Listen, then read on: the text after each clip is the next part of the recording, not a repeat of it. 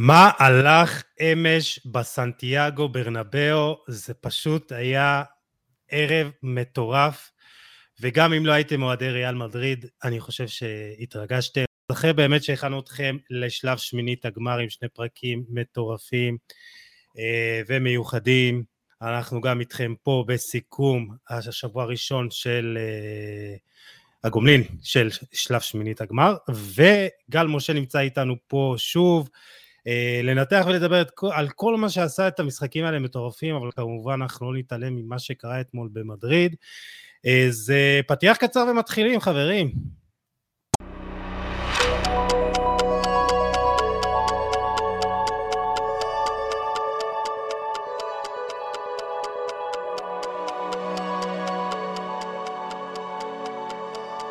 ברוכים הבאים לפרק ה-93 של חולה על כדורגל הפודקאסט, אני יוסי עדן נמצא כאן איתכם, גיל ברגעים אלו ממש אה, נמצא במבחן, אז נאחל לו בהצלחה והוא יחזור אה, לפרקים הבאים, לא לדאוג, ואיתי כאן היום פרשן הבית, אה, מברוק על התואר החדש שלך, גל משה, האנליסט גל משה, פרשן הבית של חולה על כדורגל הפודקאסט, נמצא כאן איתנו כדי לנתח ולדבר ולהסביר את כל התופעות המטורפות, כל האירועים שקרו.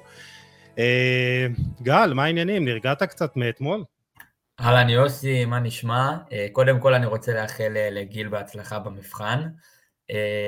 האמת שעדיין לא נרגעתי, אני חושב שאתמול באמת חווינו ערב שהוא יוצא דופן, שהוא מיוחד. עם מהפך מדהים, ו... ולראות שחקנים כמו קרים בן זמה ולוקה מודריץ' אה, בגיל שלהם עושים את הדברים האלה ברמות הכי גבוהות שיש, אה, זה משהו ש... שאותי באופן אישי מאוד ריגש, אז אה, איזה כיף ש... שיש לנו עכשיו זמן לדבר על זה ולנתח את זה ביחד בפודקאסט. בפודקאסט. אז אנחנו, כמו שבאמת אמרת, אנחנו ננתח, נדבר, באמת היה ערב קסום, ערב של כוכבים, הזכרת את קרים בן זמה ולוקה מודריץ', אנחנו עוד ניגע בהם בהמשך, אה, והתלבטות קטנה שהייתה לי, שאני לא יודע באיזה שחקן להתחיל, אבל לא משנה, בואו בוא, בוא ככה אה, נדבר בכללי על אה, השבוע הזה, זה שבוע שהיה של כדורגל טוב, גם ביין מינכן פשוט התפוצצה, אתמול היה משחק עם שתי מחציות שונות לחלוטין, אה, אבל זה היה כדורגל טוב, ראית כדורגל עם מחשבה, ראית כדורגל שקבוצות עם, באות עם רעיון, רעיון מסוים, אה, ויש כאלה שהיו מקובעים, עוד נדבר עליהם, ויש כאלה שקצת עשו את ההתאמות שנדרשות במהלך המשחק. כן, אה, אני חושב ש, שרגע התפנית במשחק אתמול היה באמת החילופים של קרלו אנצ'לוטי, אני חושב שאחרי החילופים האלה באמת ראינו את את ריאל מדריד לוחצת יותר ו- ומפעילה יותר לחץ אה, במגרש של פריז, אה, וגם הלחץ הזה הביא את השער הראשון בעצם. אה, אז אני חושב שהחילופים הם היו נקודת המפנה במשחק, נקודה שפוטיצ'ינו אפילו לא, לא הצליח להגיב למה שקרה שם. אז זהו, אפשר לדבר על זה באמת גם, אתה יודע, בהשוואה לליגת העל שלנו, למלאדן אה, קרסטייץ', על היכולת של מאמן אה, לנהל משחק ברמה גבוהה ולהגיב לאירועים שקורים במשחק. כלומר, אתה בא עם תבנית, אה, תוכנית משחק מסוימת, אבל ברגע שזה לא עובד, לא בושה, אתה יודע, לשנות. אה, ואנחנו אה, רואים את זה עם קרסטייץ' שהוא פשוט אה, גם עשה במשחק האחרון, הכניס פתאום את טל בן חיים כמגן ימין, אז כן אנחנו רואים שמאמנים שבאים וגמישים בתפיסה שלהם ומבינים שהמשחק הוא לא, אתה יודע, הוא לא, הוא לא מצב אחד ואני אדבר על זה ב, ב, ב, כשנגיע לחלק של ביין מינכן ועל יולן נגלסמן, אבל נשאיר את זה לאז, אבל באמת מאמנים ש, שמגיעים עם אה, אה, תפיסה מקובעת וגישה מקובעת ולא מגיבים לאירועים שקורים במגרש, אז אנחנו רואים כמה שהם לא יכינו את הקבוצה שלהם ברמה הטובה ביותר, ברגע שקורה משהו כמו שקרה אתמול והשער הזה טרף את כל הקלפים, או גם נדבר על זה, אה, אנחנו רואים שברגע שמאמן יודע להגיב נכון בזמן הנכון, זה מנצח משחקים. ברור, אה, ברור, אני חושב ש, שאחת ה... עד אחד הדברים החשובים ביותר אצל מאמן, זה לדעת להגיב להתפתחות משחק ולאירועים שקורים במשחק, גם אם זה נוגד את, ה, את התוכנית הראשונה שהייתה. ואני חושב שבאמת, ברגע שראינו את החילופים ואת היציאה קדימה של ריאל מדריד, אז דווקא מהצד השני אנחנו לא ראינו, לא ראינו תגובה. ואני חושב שבעצם ההלם שפריז הייתה מצויה בו, נבע מהסיבה ש, שהם לא היו מוכנים בעצם לחילופים של ריאל ולשינוי אה, הוראות מצד קרלו אנצ'לוטי. אה, אני לא ראיתי את ריאל מדריד לוחצת במחצית הראשונה, וגם לא ראינו את פריז משחקת בקצב אה, משחק גבוה יותר מדי. הם אה, מאוד באו להאט את המשחק, ראינו שם משולשים, כאילו, אתה יודע, בצורה חופשית, אה, וברגע באמת שהגיעו החילופים, אז פריז לא הייתה מוכנה לזה, אה, וזה מה שהכריע את המשחק. טוב, אז בואו בוא ניכנס לדקויות במשחק הזה. אז uh, כמובן שנקדיש את מירב הפרק למה שקרה אמש, אבל יש לנו אחלה משחקים וגם אחלה נקודות להתייחס אליהם אחר כך. Uh, משחק ראשון, נתחיל בהימורים, גל. אנחנו אמרנו uh, משחק ראשון, אתה אמרת 1-1 וריאל עולה. ואני צדקתי בערך בניחוש של המשחק הראשון, אבל לא בתוצאה הסופית. אמרתי שמשחק ראשון 2-1 לפריז, ופריז עולה בזכות מסי, אז, אז זה לא קרה. אם נאחד את שני הניחושים שלנו, אז אנחנו בסדר.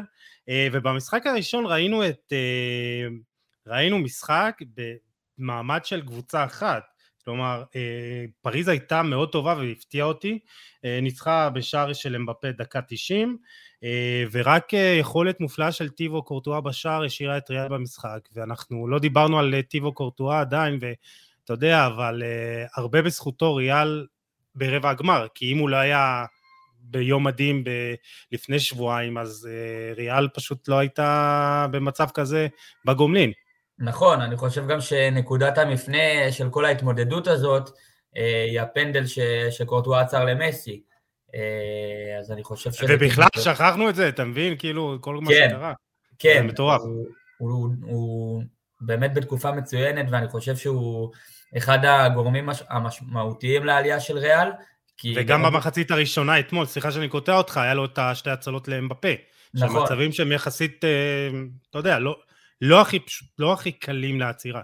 לא הכי קלים, אה, אז אני חושב באמת שהוא גורם מאוד מאוד משמעותי, ובאתי להגיד, אה, שמשחקי נוקאוט אה, זה בעצם שתי משחקים, ואחת הסיבות שריאל הגיעה אתמול לברנבאו, שהיא בתמונה בעצם, ושהפיגור היה רק, רק שער אחד, זה טיבו קורטואה, אז באמת כל המחמאות אליו, ואני חושב שהוא באמת מבסס את עצמו כ...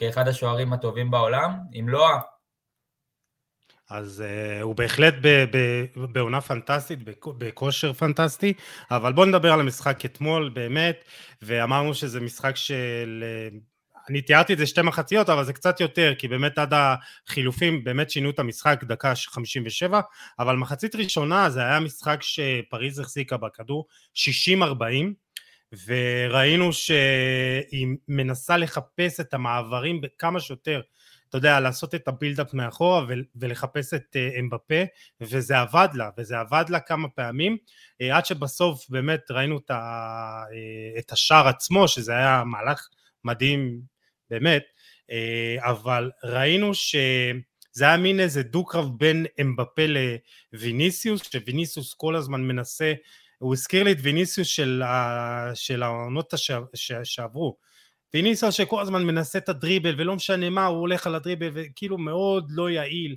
ומאוד עושה את הדריבלים באזורים שהוא לא צריך לעשות לכיוונים שהוא לא צריך לעשות. וראינו איזה משחק שריאל לא כל כך נמצאת בו אבל פריז שולטת, שולטת בכדור יודעת מה היא רוצה להשיג וזה מה שגם דיברנו עליו גם בספייס אתמול וגם בפרק שאמרנו פריז עם מעברים, פריז היא קבוצה שבונה את המשחק מאחור ובונה על הפעולות האישיות והיצירתיות של מסי, נאמר ואמבפה, ובמחצית הראשונה זה היה נראה ככה שזה עובד לה. כן, אה, אני חושב שראינו אה, שבזמן שריאל אה, תקפה ובזמן שריאל החזיקה בכדור, אמבפה ומסי ונאמר הם לא היו חלק ממשחק ההגנה.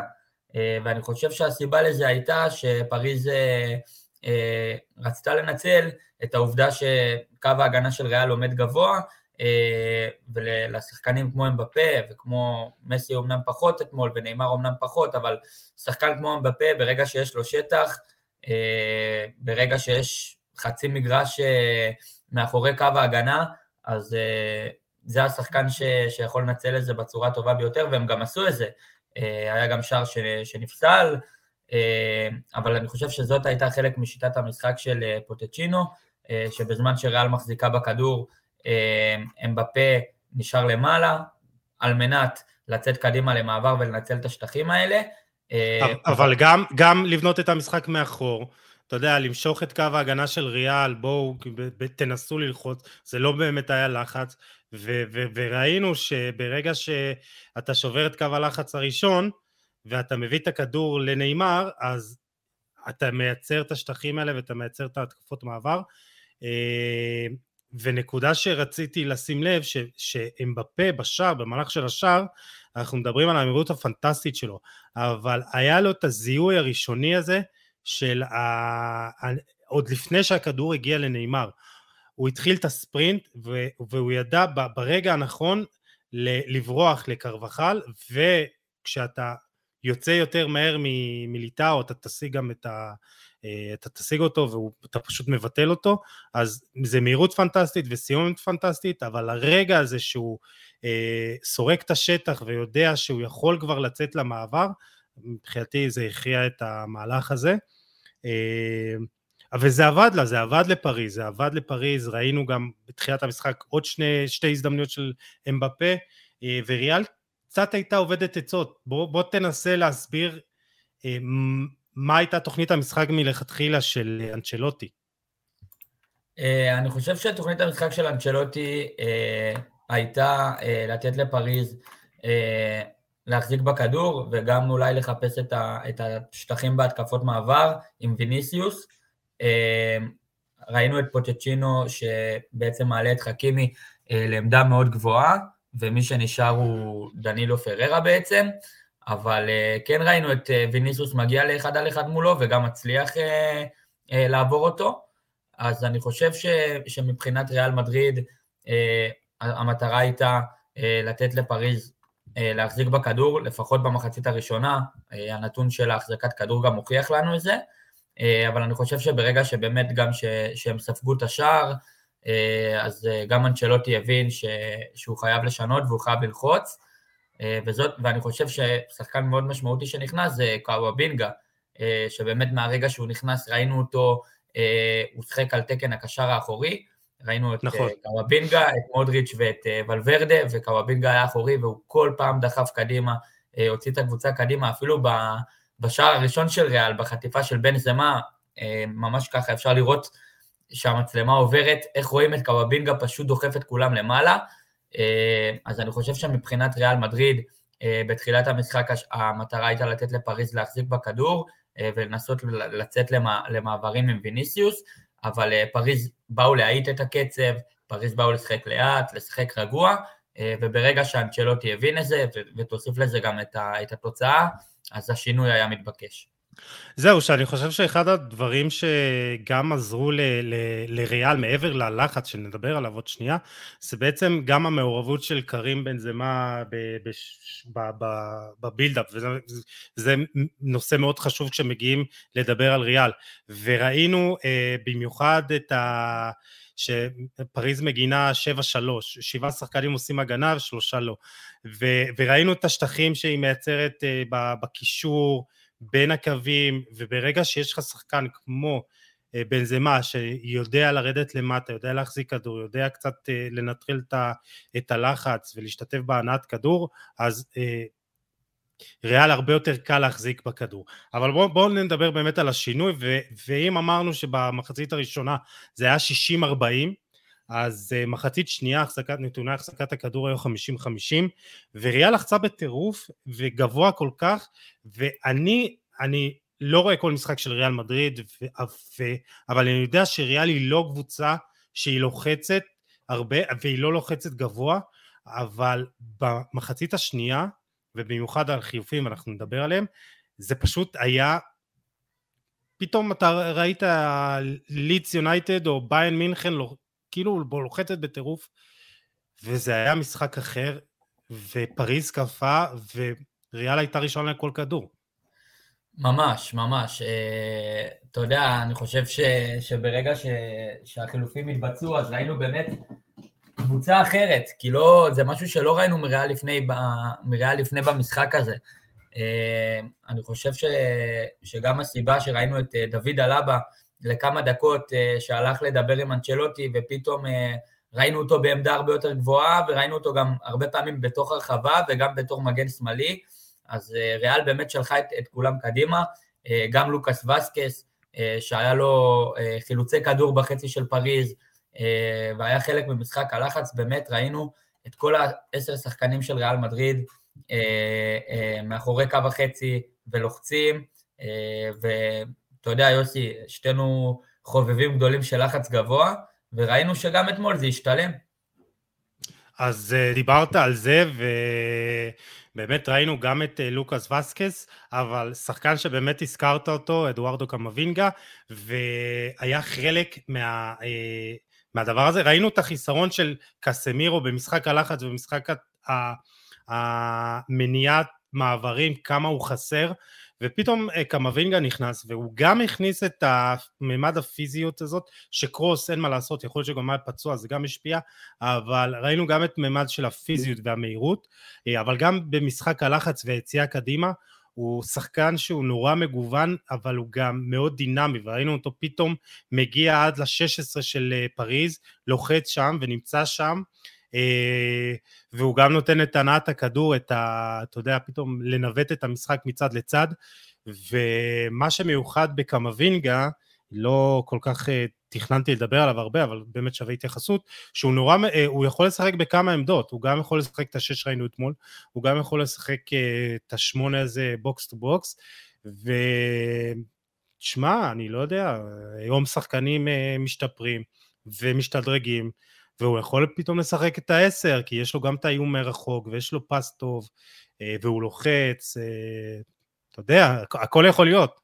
אני מסכים, הוא שחקן מאוד אה, ורסטילי, הוא שחקן מאוד מגוון, אני חושב שהיתרון הבולט שלו זה האתלטיות, אבל אנחנו רואים אותו גם מהצד הטכני, אתמול הוא, אה, שהוא השתתף בהנעת כדור וניווט את המשחק, אה, אז אני חושב גם שאחת הסיבות לכך שאתה מגיע בגיל נורא צעיר, והשחקנים שאתה לומד מהם זה לוקה מודריץ' וטוני קרוס וקסמירו, אז אני חושב שיש לך באמת את, ה, את המכללה, נקרא לזה, הטובה ביותר אה, להתפתח כשחקן.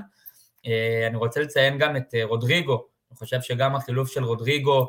הכניס עוד דינמיות ושחקן שהוא הרבה יותר לחוץ, לוחץ. תרם המון המון למשחק לחץ לעומת הסנסור, ראינו אותו גם מחלץ כדורים וגם לוחץ, אז אני חושב ש, שבאמת שתי החילופים האלה הם הכירו את המשחק. אה, ומה שיפה בחילופים האלה, יוסי, ש, שזה שתי שחקנים צעירים, שתי שחקנים צעירים שפשוט הצליחו אה, לשנות דינמיות אה, שלמה של משחק. ואני חושב שבסופו של דבר, עם החילופים ועם המומנטום ועם האיצטדיון, שבאמת, אתה יודע, אחרי תקופת הקורונה, אני לא זוכר משחק בליגת אלופות, שככה נהניתי מה, מהאיצטדיון והקהל והטירוף והמומנטום. אז פשוט שאפו אדיר לקרלו אנצ'לוטי ולריאל מדריד. אז אה, אתה יודע, קצת נתונים מהמחצית השנייה, 13 אה, איומים לשער, שניים בלבד של פריז, אה, ארבעה למסגרת של ריאל ואפס של פריז, אז פשוט ראינו משחק אחר לחלוטין, פריז עובדת עצות ולא יודעת גם מה לעשות כשהכדור לא אצלה, כי אתה יודע, אה, אה, ראייה לחצה, אבל עזוב שטויות, אה, גל, אנחנו מדברים סחור סחור, ויש לנו שני שחקנים שפשוט חייבים לדבר איתם, והם הכוכבים האמיתיים של הערב, ואתה יודע, תעזור לי, קשה לי להחליט על מי לדבר ראשון, או קרים בן זמה, או לוקו מורטריץ', זה כאילו, זה כאילו אם אתה תתחיל לדבר על אחד, אז השני ייעלב, כאילו למה לא דיברת על הראשון, כי מגיע לו. אתה מבין את הקטע? נכון, נכון. התלבטות קשה. אבל אני, אני באמת מאוד אוהב את שתי השחקנים. אה, אבל אם יש שחקן שיש לי ככה באופן אישי קצת יותר אה, רגשות אליו וקצת אני יותר מתחבר אליו זה לוקה מודריץ', אה, אז נראה לי שהוא ראוי ש, שנתחיל איתו, אבל חס וחלילה אני לא מוריד מקרים בן זמה, ונגיע גם אליו בהמשך, אז לא לדאוג. אז נדע. נעשה את זה. טוב, אז בוא נתחיל איתו, נו. יאללה, במה שלך. מה מייחד אותו כל כך? אני חושב ש... שמה שמייחד את לוקה מודריץ' זה האינטליגנציית משחק שלו.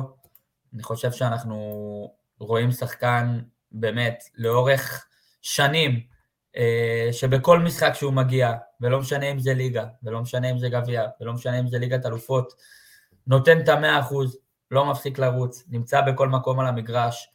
אה, אני חושב שמבחינה בולטת על הדשא, היכולת שלו לשבור את הקווים בדריבל, להכניס את הגוף ופשוט להתגבר על, על שתיים ושלושה שחקנים ואתה יודע, להתקדם, וראינו את זה אתמול גם ב, ב, בגול השני של ריאל מדריד, היציאה שלו קדימה למעבר הייתה באמת, כאילו אנחנו לא, לא, לא רואים שחקנים בני 36 אה, עושים את זה בגיל הזה, וללוקה מודריץ' עדיין יש את זה. אה, גם המסירות החכמות שלו, אה, הבישול לקרים בן זמה זה בישול באמת מדהים, שובר קו הגנה אחרון, מעמיד אותו באחד על אחד מול השוער. אני חושב שהחריצות שלו, באמת, זה, זה משהו ש, שאנחנו לא רואים היום בכדורגל, ואני גם, אני תמיד אומר, לוקה מודריץ' בשבילי, הוא אחד מהקשרים הכי גדולים שהמשחק הזה ידע. אז זהו, שאתה יודע, כל הזמן אנחנו חוזרים על underratedים, ואני גם אמרתי על קרים בן זמה והכל, ואנשים לא מבינים כאילו איך לוקה מודריץ' זכה בכדור הזהב, ונוטים לזלזל, ואומרים איך אה, צ'אבי ואיניאסטה לא זכו, אבל הדיון הזה נראה לי די ממצה, בספ... אה, אה, מיצה את עצמו. אה, צריך להבין שהמשחק בנוי מכל כך הרבה פעולות ואתה לא יכול פשוט להסתכל כל הזמן על, על, על הפעולה האחרונה או הפעולה לפני האחרונה ולוקה מודריץ' הוא נתן בישול אתמול אבל הוא נתן גם הרבה פעולות אה, אה, אחרות שלפעמים הן לא נראות בסטטיסטיקה היבשה. אז אה, מעבר לבישול המדהים שלו במתפרצת והפריצה המדהימה, היה לו ארבעה תיקולים מוצלחים במאה אחוזי הצלחה, זה, זה הכי הרבה במשחק, היו לו שלושה דריבלים מוצלחים במאה אחוזי הצלחה, אה, שתי הרחקות, אבל גם אה, שמונה, שמונה מסירות אה, מקדמות מתוך תשע ניסיונות, וגם 11 מסירות, 11 מסירות מוצלחות לשליש האחרון. וזה פשוט, אה, אתה יודע, זה חשוב, גם לענת הכדור, גם למשחק הלחץ, ואתה יודע, אנחנו מדברים הרבה על, אה, על מה גורם לשחקנים לשחק עד גיל מאוחר או לפרוח בגיל מאוחר ובגיל 36 וחצי. אז קודם כל זה האופי שלו, הוא, הוא, הוא שחקן מקצוען, הוא שחקן שמתרכז בדברים, אה, בלהתאמן חזק, ואתה יודע, לא לבלות ושומר על הגוף שלו, אנחנו רואים איך הוא נראה, בלי טיפת שומן עליו, והוא כל כך חזק, ויש לו, אתה יודע, רגליים של שור יחסית אה, לגודל שלו, ואתה יודע, אומרים, הוא, הוא נראה קטן, אבל הוא לא, הוא חזק בטירוף, והוא יודע לשים את הגוף בצורה כזאת שגם, אתה יודע, אה, לנצל את, ה, את השטח כדי לשמור על הכדור, וזה מה שמייחד את אה, לוקה מודריץ', זה, זה האופי, הבלתי מתפשר, וזה הרקע המטורף, כולנו מכירים את זה שהוא ברח מאזורי מלחמה. אה, זה פשוט, תשמע, צריך להעריך אותו על מה שהוא, באמת, וצריך להעריך את הפעולות שלו שהוא עושה.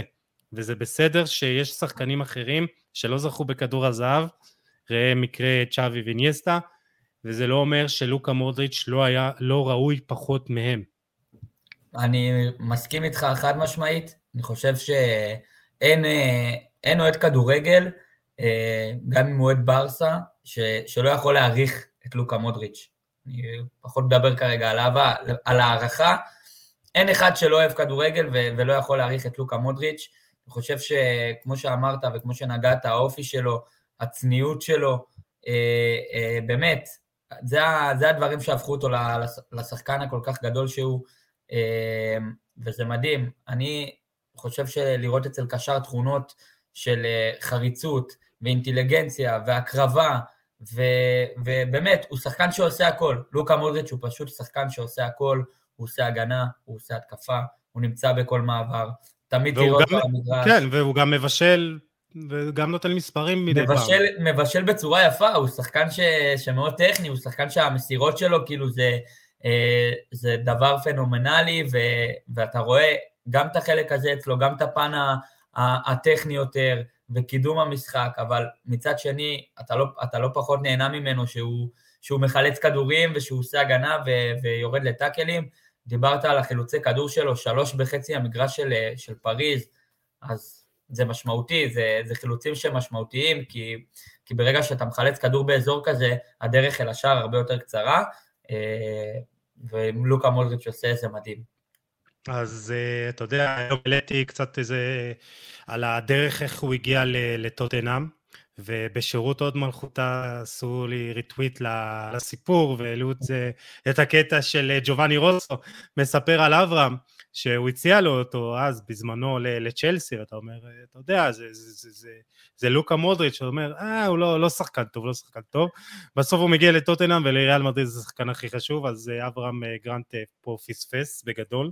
כן. אבל מה שבאמת גם העליתי, שהמנהל המקצועי של טוטנאם דאז, דמיאן קומולי, הוא אומר, אני נשחטתי, כאילו, אמרו, הוא קטן מדי, הוא חלש מדי, הוא לא כובש שערים, הוא לא עושה שערים, אבל באמת אה, מה שגרם להם להביא אותו זה שהוא כל הזמן מחפש אה, לשחק בין הקווים, הוא תמיד אה, פנוי, וג'יימי אוהרה, אחד השחקנים בקישור של טוטנאם אז, הוא אמר שלוקה מורדשן כבר מהאימונים הראשונים ידעו איזה שחקן הוא, איזה שחקן איכותי הוא.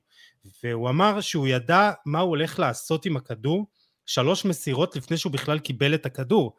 והמוח שלו הוא אומר פשוט עבד הרבה יותר מהר משל כולם.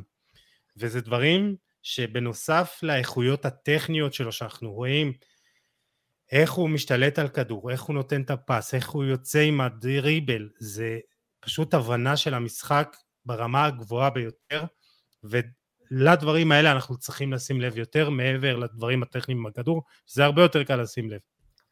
אינטליגנציית משחק אה, במנג'ר זה 20 ללוקה מודריץ', באמת האינטליגנציה שלו, כל הדברים שדיברת, היכולת הזאת אה, לדעת איזה פעולה תעשה ו- ולאן תיפתח עם הכדור, או אני יודע שיש לי שטח בצד ימין, שחרור בנגיעה, כל מיני פעולות כאלה מאוד מאוד קטנות, שלוקה מודריץ' באמת יודע מה הוא הולך לעשות עם הכדור ואיזה פעולה הוא הולך לבצע לפני שהוא מקבל את הכדור. אני חושב שזו תכונה אה, שמכפרת אה, על המון המון המון דברים אחרים בכדורגל, אבל דווקא אצל לוקה מודריץ' אנחנו לא רואים את התכונות שחסרות לו.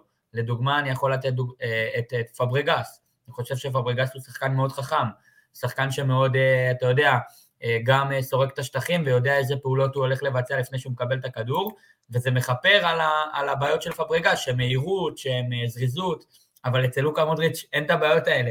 כאילו, יש לו גם את האינטליגנציה, יש לו גם את הזריזות, גם את המהירות. טכניקה מדהימה. טכניקה מדהימה. אז באמת, אני חושב ש... ש אתה יודע, לחשוב מה מייחד את לוקה מודריץ', אינטליגנציית משחק ואופי. אז אה, אתה יודע, הזכרת, אנחנו מזכירים את הטכניקה, אז ג'יימי אוהרה גם מספר שבאימונים לא הצלחת לקחת ממנו את הכדור. ואתה יודע, יש לו מרכז כובד מאוד נמוך, והרגליים שלו חזקות, והתאומים שלו, הוא אומר, כמו לבנות. פשוט לא יכולת, לה, אתה יודע, אתה, אתה כל כך חזק, הוא היה כל כך חזק, אז uh, לא יכולת להוציא ממנו את הכדור, והוא מדבר על הנגיעה הראשונה שלו, והנגיעה הראשונה שלו זה באמת פשוט uh, מדהימה. אה, ונתקדם, וקודם כל אני רוצה לבקש סליחה מקריים בן זמה. אה, סליחה שאתה שני פה, אבל תשמע, זה פשוט כאילו גם העליתי בסוף המשחק, אמרתי שאוהדי הכדורגל ובאמת הרבה אוהדי ריאל צריכים לבקש ממנו סליחה, זה עוד ערב, וזה לא פעם ראשונה. צריכים לבקש הרבה סליחה על הפעמים שהם זלזלו על עמוד כרית בן זמה, וזה שחקן שהיה חי בצילו של קריסטיאנו רונלדו ואולי זה הדבר שבאמת גרם לו לא להיות מוערך כמו שהוא צריך היה להיות אבל מאז לכתוב של, של קריסטיאנו רונלדו מריאל אנחנו רואים את ההשפעה המדהימה שלו. ותשמע זה היה איזה נכון יש את המשחק הזה של אה, שבע דקות בגן עדן כן. אז כמה זה היה שם בשבילו, תוך כמה זמן הוא, הוא כבש את, את, את השלושה שערים, אז זה היה כאילו איזה, מין איזה רבע שעה בגן עדן של uh, קרים בן זמה. Uh, כמה זמן זה היה מהשער הראשון, 17 דקות. דקות. הנה, 17 שבע, יש פה גם שבע. אז 17 דקות בגן עדן של קרם בן זמה, ו... וזה היה פשוט כאילו, אתה, אתה אומר איזה שחקן, איזה נגיעה בכדור יש לו, איזה סיומת, איזה חשיבה, ואתה יודע, במשחק הראשון הוא, הוא היה חושך במשחק הראשון בפריז, אה, הוא חזר אחרי פציעה, לא היה טוב, אבל תקשיב, הוא מאז שישה שערים ושלושה בישולים בארבעה משחקים. שתיים נקודה משהו שערים למשחק, ופשוט מעורבות של שתיים נקודה, פשוט מדהים, וכאילו די, פשוט צריך להגיד, קרים בן זמה הוא אחד השחקנים החלוצים, השחקנים הכי גדולים של השנים האחרונות. אין ספק, אין ספק. אני חושב ש... אה, קודם כל אתמול, הערב הזה שלו, זה הזכיר לי ערב של קריסטיאנו רונלדו. כאילו, באמת, זה, זה הרגיש כאילו הוא שייך לגדולים ביותר, אה, והוא באמת שייך לגדולים ביותר. אני חושב שלגבי מה שאמרת, אה, לבן זמה תמיד הייתה טכניקה ייחודית. זה היה הכוח הגדול שלו, אני חושב שגם המשחק ללא כדור שלו, הפינוי שטחים, דיברת איך הוא יורד נמוך, איך הוא מקבל את הכדור באזורים אחרים, אה, שהם לא בהכרח ברחבה, איך הוא מושך אליו את הבלמים. אה, היכולת שלו לעשות את זה, אני חושב שהיא גם אחת הסיבות לכך שקריסטיאנו רונלדו כל כך הצליח בריאל מדריד, שברגע שיש לידך חלוץ כמו בן זמה, אה, שעושה את העבודה הזאת, אז הרבה יותר קל לשחקן כמו קריסטיאנו רונלדו להפקיע את הכמויות שערים שלו. מצד אחד, אסור לשכוח גם שבשנים של הביקורת, ובשנים של העמוד קרין בן זמה וכל הזלזול והכל, אה, אז הוא היה מחמיצן לא קטן, אה, קרים בן זמה, אה, אבל אני עדיין חושב שזה, שזה מאחוריו. אני חושב שהוא שיפר את האחוז בעיטות שלו למסגרת ואת הכמות שערים שלו ואת הדומיננטיות שלו מאז שקריסטיאנו עזב, ואני חושב שהעזיבה של קריסטיאנו דווקא נתנה לנו לראות את בן זמה בגרסה הנוכחית שלו היום, וזכינו לראות גרסה מדהימה, חלוץ רחבה מדהים, חלוץ מחוץ לרחבה מדהים. כאילו זה, זה, זה ה-all around striker, כאילו, הוא פשוט עושה הכל. עושה כאילו, הכל. הוא יכול לשחק עם הגב, להחזיק כדור, הוא יכול לנגוח, הוא יכול לכבוש, כאילו גם, אתה יודע, פנדליסט נהדר, כאילו, מה אתה צריך עוד? הוא קפטן גם. נכון, אני חושב שהיה אתמול במחצית השנייה איזה, את הנגיחה שממש יצא סמוך לקורה עוד ב-1-0, ואתה רואה איך הוא עולה לכדור, ומול בלם כמו מרקיניוס, ואנחנו פשוט רואים אותו גם מנצח במאבקי גובה, אנחנו רואים אותו, דברים שלא היינו רואים ממנו. אה, בשנים הקודמות, הוא מנצח מאבקים ברחבה, תנועה ללא כדור, איך שהוא מתחיל את התנועה שלו מחוץ לרחבה, מושך איתו את הבלמים, אה, ואז תמיד אתה רואה את התנועה החכמה שלו, אה, או בדאבל פאס עם שחקן, או בתנועת עומק, אז גם אצלו האינטליגנציה, ההבנה, היכולת הזאת, לא להגיד, אוקיי, אני צריך רק שהכדור יגיע אליי ברגל ברחבה ואני אבעט, לא. ובאמת, יש לנו חתיכת חלוץ כאן, כן. שהוא יש, יש לנו, יש לנו זכות. כן, יש לנו זכות שאנחנו רואים אותו. וזה זה, זה לא, בין, זה, זה לא אה, קריסטיאנו רונלדו וזה לא מסי, אבל זה קרם בן זמה. ומתחתם יש את ה-level, אתה יודע, יש את ה... את ה-goat level, אז ב-level השני, מה זה בדירוגים האלה? אליט? אז הוא באליט, ו- והוא חייב להיות שם. הוא ב- ב- ב- ב- מתחת למסי ו- ורונלדו. אה, שני, אה, שני נתונים שבאמת שווה להזכיר. אה, אתמול הוא עבר את אלפרדו די סטפנו, ועכשיו עם 309 שערים, ודי סטפנו עם 308, אה, מקום שלישי בטבלת כובשי כל הזמנים בריאל, מקום שני זה ראול, 323, לך תדע אולי עוד אה, יעבור אותו השנה, וקריסטיאנו רונלדו שאי שם בספירה משלו עם 450, 450 שערים, והוא גם השחקן המבוגר ביותר שכובש שלושה בליגת האלופות, 34 שנים ו-80 ימים, אז זה מטורף. זה מטורף. מדהים. אני חושב בעצם זה שאנחנו אה, מזכירים את בן זמה אה, בהקשרים של אה, עבר את דה סטפנו, קרוב לראול, השחקן הכי מבוגר ש, שכובש לו שער בליגת האלופות, אני חושב שגם בכמות מפקיעי שערים בליגת האלופות הוא בטופ חמש, אז אני חושב שעצם זה שאנחנו מזכירים את בן זמה בסיטואציות האלה ובשיחות האלה וברשימות האלה עם השחקנים האלה, זה רק מראה לנו איזה חלוץ ענק הוא וכמה הוא לא מוערך כמו שהוא, כמו שהוא צריך להיות מוערך. אבל הנה, הוא מצליח בגיל 34 להיות קריסטיאנו רונלדו החדש של ריאל מדריד ולהעלות אותם שלב עם שלושה ומהפך. מדהים. אני רק רוצה להגיד שהשער השלישי היה פשוט טכניקת בעיטה מושלמת, עם החיצון, כדור שטוח. אני חושב שגם היכולת שלו לקרוא את הסיטואציות האלה. ולהגיב אה, אליה במהירות, כאילו, זה, זה פשוט כדור שכביכול ניתז אליו.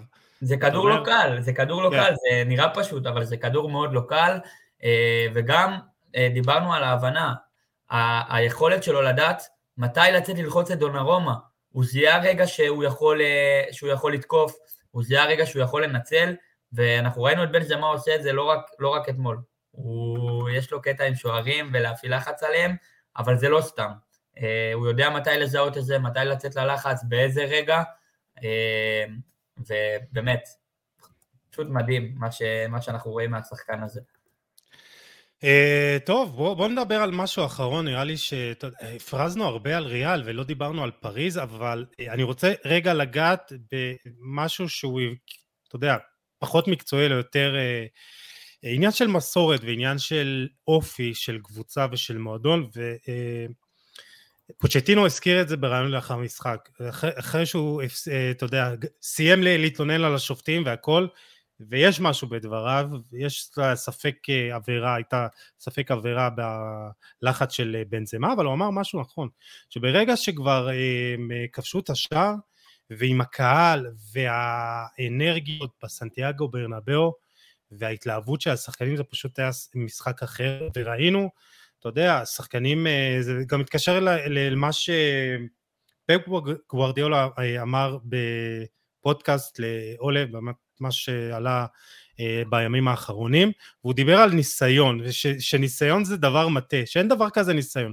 כי איך אתה מסביר דבר כמו, אה, אתה יודע, אה, שמילאן מפסידה שלוש, אה, אתה יודע, אה, מפסידה את אה, גמר ליגת האלופות עם שחקנים כמו מלדיני קפוא וגטוסו אחרי שלוש אפס שהיא מובילה, ופתאום, מה, אין להם ניסיון פתאום? אבל יש דבר שלפריז חסר ויש לריאל מדריד וזה מסורת. וזה מסורת וזה אנרגיות וזה חיבור גם של השחקנים אחד עם השני, גם עם הקהל, גם עם המאמן, ואתה יודע, אי אפשר להביא עוד שחקן ועוד שחקן, זה עוד הוכחה שכסף לא קונה תארים, ואתמול מה שניצח זה ההתלהבות, גם מה שניצח זה ההתלהבות, זה המסורת, והאופי של השחקנים. אין ספק, אין ספק, אה, אני מסכים בכל מילה. אה, אני חושב גם שבסגל של ריאל מדריד יש המון המון שחקנים שהיו חלק מה, אה, מהארבע זכיות בחמש שנים, ושחקנים באמת ש, ששיחקו במועדון הזה ב, אולי בתקופה הכי טובה שלו בהיסטוריה, שלוקחים אה, ארבע תארי צ'מפיונס בחמש שנים, אני חושב שזה משהו אה, מטורף. אני רוצה רק לציין עוד שחקן לפני שאנחנו מתקדמים, שחקן שלפני שהתחיל כל הטירוף ולפני, והשערים והלחץ, אותי מאוד הרשים, וזה דוד אלבה, שהוא גם לקח, הציל שער בטוח, אה, פעמיים, אה, גם ביציאה שלו מאופסייד, יציאה מאוד חכמה שהוא, שהוא יצא והשער של אמבפה נפסל, וגם עוד, בעוד איזה תיקול, אה, ואני חושב שריאל מדריד עשתה רכש מדהים, אנחנו רואים את הכשירות של סכיו רמוס בפריז, אני חושב שריאל הצליחה בענק איתו, והוא שחקן מדהים, וחשוב לי ככה לציין אותו ולדבר עליו, כי הוא קצת נאבד אחרי מודריץ' ואחרי בן זמה, וזה גם לגיטימי. אה, אז חשוב לי ככה לתת את, ה, את המחמאות בשבילו. אז בואו בוא נפרגן למולי ולטמן, אה, האדיר, שהעלה באמת אה, שרשור נהדר, אתם מוזמנים לעקוב אחריו בטוויטר. דוד אלבה נגע שש פעמים ברחבה של פריז, וזה בדיוק כמו שקיליאן אמבפה נגע ברחבה של ריאל, כאילו אותן כמות נגיעות, אותה כמות נגיעות, שש נגיעות בכדור לבלם של קבוצה מול החלוץ, פשוט זה נתון בלתי נתפס ושאולי, אתה יודע, אנחנו מספ... נתון שמספר את כל המשחק. מטורף, מטורף לגמרי. אה, מולי, כל הכבוד, תמשיך לעשות עבודה מופלאה. תמשיך אה, לעלות נתונים.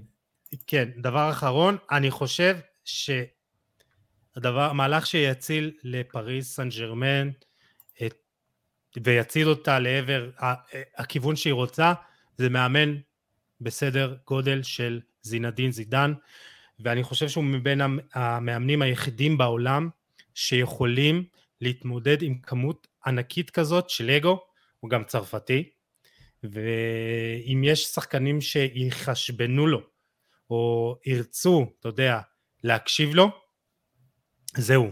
חשבתי גם על דידיה דשאן, אתה יודע, זה אותו סדר גודל של כמות אגו בנבחרת צרפת, אבל uh, אתה לא יודע אם זה בכלל uh, יכול לצאת לפועל, אבל זינדין זידן, תשמע, אנחנו רואים את חוסר ההשפעה של פוצ'טינו על, uh, על השחקנים, כלומר, ואם יש מאמן ש, שמתאים גם בשיטת המשחק וגם באנרגיות, והוא צרפתי והכל, זה זינדין זידן, ופשוט פריז צריכה לקחת, לעשות את הכל כדי שהוא יהיה המאמן בעונה הבאה. אני מסכים, אני חושב גם שזה דבר שהוא יותר חשוב מכל שחקן כזה או אחר שפריז תביא, או פריז תשאיר. אני חושב שלמאמן יש חשיבות הרבה יותר גדולה משחקן כזה או אחר, אה, ולאו דווקא בקבוצה כמו פריז, אה, שאנחנו רואים את אה, כמות הכוכבים הגדולה והאגו ולנהל חדר הלבשה, אנחנו אפילו ככה קצת, בוא נעזור אפילו את הפן הטקטי. כאילו, קודם כל צריך מאמן ש, שידע לשלוט בשחקנים, ידע לנהל אותם כמו שצריך, שהם ידעו לכבד אותו ובאמת להאמין בדרך שלו, וראינו את זה בריאל מדריד עם זידן, אה, ואני חושב ש, שהוא אה, הבן אדם הכי נכון כדי לקחת את פריז ל-level קדימה ולהיות באמת קבוצה ש, שמתחרה וש, ושרצה כל שנה בקמפיונס, וזה גם תהליך. אני חושב שמאמן כזה צריך כמו זידן צריך להגיע לכמה שנים, ובאמת לבנות את, ה, את, כל, את כל התהליך של הבנייה מלמטה. אמ, אבל אה, יהיה מעניין, יהיה מעניין לראות אם אה, זה באמת משהו שיכול לקרות. אני חושב שגם עבור זידן זה מעבר מעניין. אה, תשמע, אני חושב שזה מעבר שחייב לקרות לשני הצדדים. טוב, וואי, כמעט פרק שלם רק על ריאל מדריד ופריס סן ג'רמן, אז בואו ככה נתקתק קצת יותר את, את שאר המשחקים, ואני רוצה שדווקא נתחיל עם ביון מינכן נגד רדבול זלצבורג.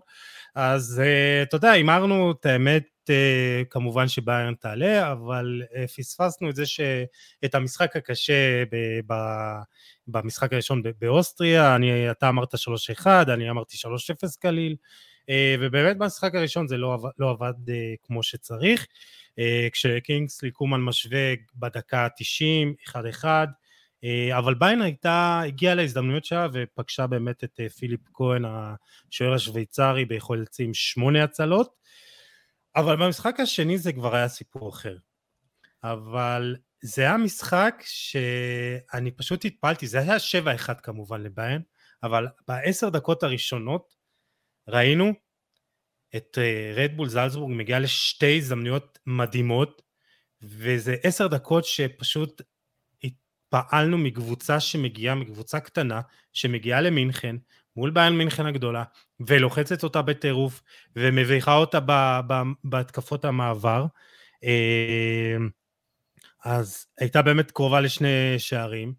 אז קודם כל נתחיל עם הפרגון לזלצבורג, כי זה היה עשר דקות מדהימות מבחינתה. נכון, אה, וזה מתווסף גם למה שראינו במשחק הראשון, אה, קבוצה שבאה בלי רגשי נחיתות, ומופיעה פעם ראשונה במפעל עם שחקנים מאוד צעירים, ולוחצת גבוה את ביירן מינכן, ואתה יודע, אפילו יוסי, אפילו ש... שהיה 3-0 ו-4-0, עדיין ראינו אותם לוחצים, ועדיין משחקים את המשחק שלהם.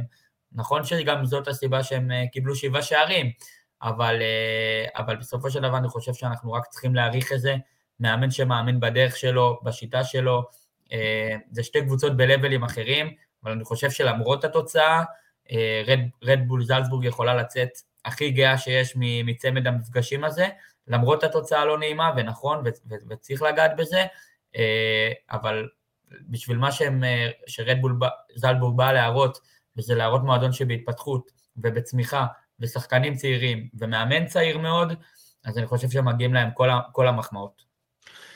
Uh, לגמרי, ואנחנו רואים את הפילוסופיה, uh, וזה מתקשר לרלף רנגניק, שהנחיל במועדון הזה, והצורך בשחקנים מהירים, חזקים, אינטנסיביים, שגם לוחצים, uh, וזלצבורג היא הקבוצה שלוחצת הכי הרבה והכי, ועושה את הלחץ בשליש האחרון הכי הרבה בכל המפעל הזה, אבל בסוף, בסוף אין מה לעשות, האיכות אה, הכריעה, ואיכות של, של גם, אם דיברנו על קרם בנזמה, אז רוברט לבנדובסקי הוא בהחלט גם ב-level העילית הזה, אה, ואז אה, אתה יודע, 11 אה, דקות מופלאות, 11 דקות בגן עדן של רוברט לבנדובסקי, סוחט שני פנדלים, כובש אותם, חוטף כדור ואז כובש, והנה, אחרי פתאום 23 דקות, 3-0 בהן, ומשחק גמור.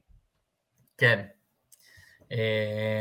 אז זה גם היה חלק מה, מהשיטה של ביירן לבוא ולפתוח הכי חזק שיש, וזו גם אחת הסיבות שראינו את זלצבורג מגיעה אה, לשתי מצבים, שהיא הצליחה לנצל ככה את קו ההגנה הגבוה של ביירן, אה, אבל אני חושב ש, שיש לך חלוץ כמו רוברט לבנדובסקי, אה, אז שפשוט מנצל שערים בצורה לא נורמלית, כאילו, רוברט לבנדובסקי בממוצע למשחק בצ'מפיונס העונה כובש 1.56 שערים, 60% מהבעיטות שלו למסגרת נגמרות ברשת, כאילו זה, זה פשוט מכונה, אה, אני רואה אותו כחלוץ הטוב בעולם היום, אה, אבל אני חושב שדווקא השיטה שנגלסמן הכניס לביירן, וההרכב המאוד התקפי שלו, אה, שבעצם ראינו קו שלוש כן. של בלמים. אז שנייה, את... רק לפני באמת שנתקדם לשיטה, כי יש לי הרבה מה לומר על זה, אז באמת צריך לציין את רוברט לבנדובסקי וכמה נתונים מדהימים. זו עונה שביעית ברציפות שהוא כובש 40 שערים ויותר, אה, והוא השחקן הראשון העונה בכל הליגות באירופה שכובש 40 שערים אה, ויותר בכל המסגרות, והוא עבר את גרד מולר אה, האגדי, ויש שיאמרו גרד מילר, בהגייה נכונה, והופך לכובש המצטיין של ביין בכל הזמנים באירופה, עם 68 אה, שערים ב-77 משחקים, וזה גם השלושה הכי מהיר בתולדות המפעל, וזה היה השלושה השליש, החמישי שלו במפעל, ורק מסי ורונלדו עם שמונה כל אחד אה, עשו את זה יותר, אה, אבל מה שבאמת אני רוצה להתמקד בלבנדובסקי לפני שבאמת נעבור הלאה, זה מה גורם לו בגיל מאוחר, 32 יחסית, להיות חלוץ כזה טוב ולהשתפר מעונה לעונה, כי אנחנו רואים, המספרים שלו רק משתפרים, והוא הולך, יכול להיות שגם הוא הולך לשבור את השיא שלו, של 55 שערים בעונה. נכון, והוא גם uh, יכול מאוד לשבור את השיא של uh, שיא הכיבושים בצ'מפיונס ליג, ששייך לקריסטיאנו רונלדו עם 17, uh, אבל לגבי רוברט, אני חושב שדווקא בדומה ללוקה, ללוקה מודריץ', זה האופי, זה המוסר עבודה, זה האינטליגנציה, זה, אלה הדברים ש, שמייחדים אותו בעיניי, אה, אנחנו יכולים לדבר על הסיומת שלו ועל התנועה שלו, אה, זה נכון, נכון, התנועה שלו לשטחים פנויים, וזה אה, דברים שבאים לו כבר בטבעיות, אבל אני חושב שדווקא חלוץ כמו לבנדובסקי, שאתה רואה כמה הוא צנוע, אתה רואה כמה הוא עובד כל הזמן, היכולת שלו להסתדר עם כל שחקן התקפה, עם כל uh, קשר, ואף פעם לא ראינו אותו, אתה יודע, uh, מחפש בכוח את השער יותר מדי כדי להבקיע עוד, תמיד הוא מפרגן ותמיד הוא מקבל את הפרגונים מה, מהחברים לקבוצה.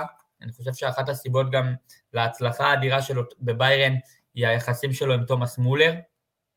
Uh, באמת, אני, אני מאוהב בשחקן הזה, uh, כל כך נהנה לראות אותו, יחסי המרה לשערים מהגבוהים שראינו.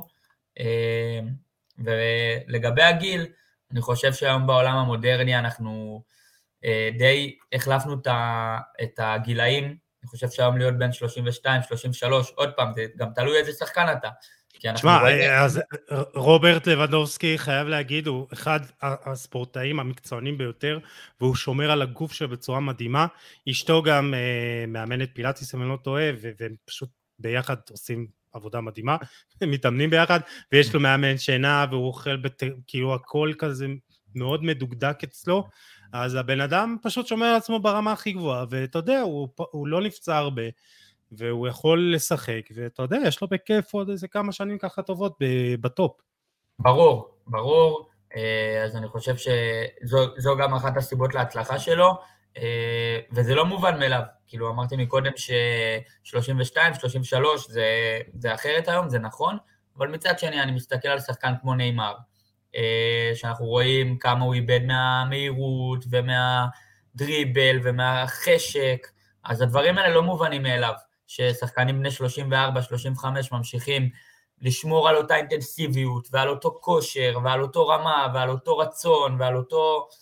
אה, כל הדברים האלה שהם לפעמים הרבה מעבר ליכולת טכנית או לדברים כאלה, אה, ואני חושב ש- שזו הגדולה שלו. כן.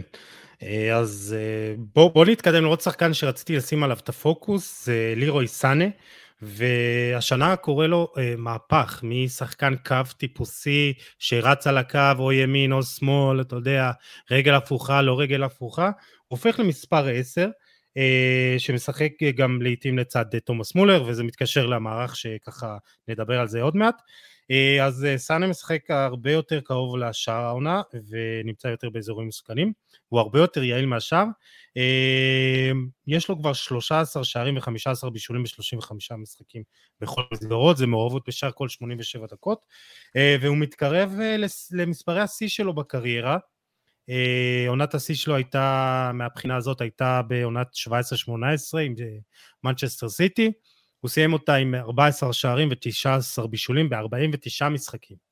אז uh, רוב הסיכויים שהוא גם ישבור את השיא שלו, ואני רוצה דווקא לדבר על העמדה הזאת, גם על השינוי שלו, וגם על העמדה מספר 10, כי אתה יודע, היה לנו איזה מין אה, אה, אבולוציה של המשחק מהעשר קלאסי של אה, סטייל ברקוביץ', שאתה יודע, אה, מחלק את המסירות, אה, ועושה בעיקר את העבודה של ניהול המשחק, אלא שחקן שהוא הרבה יותר מגוון ביכולות שלו, ואנחנו רואים את זה.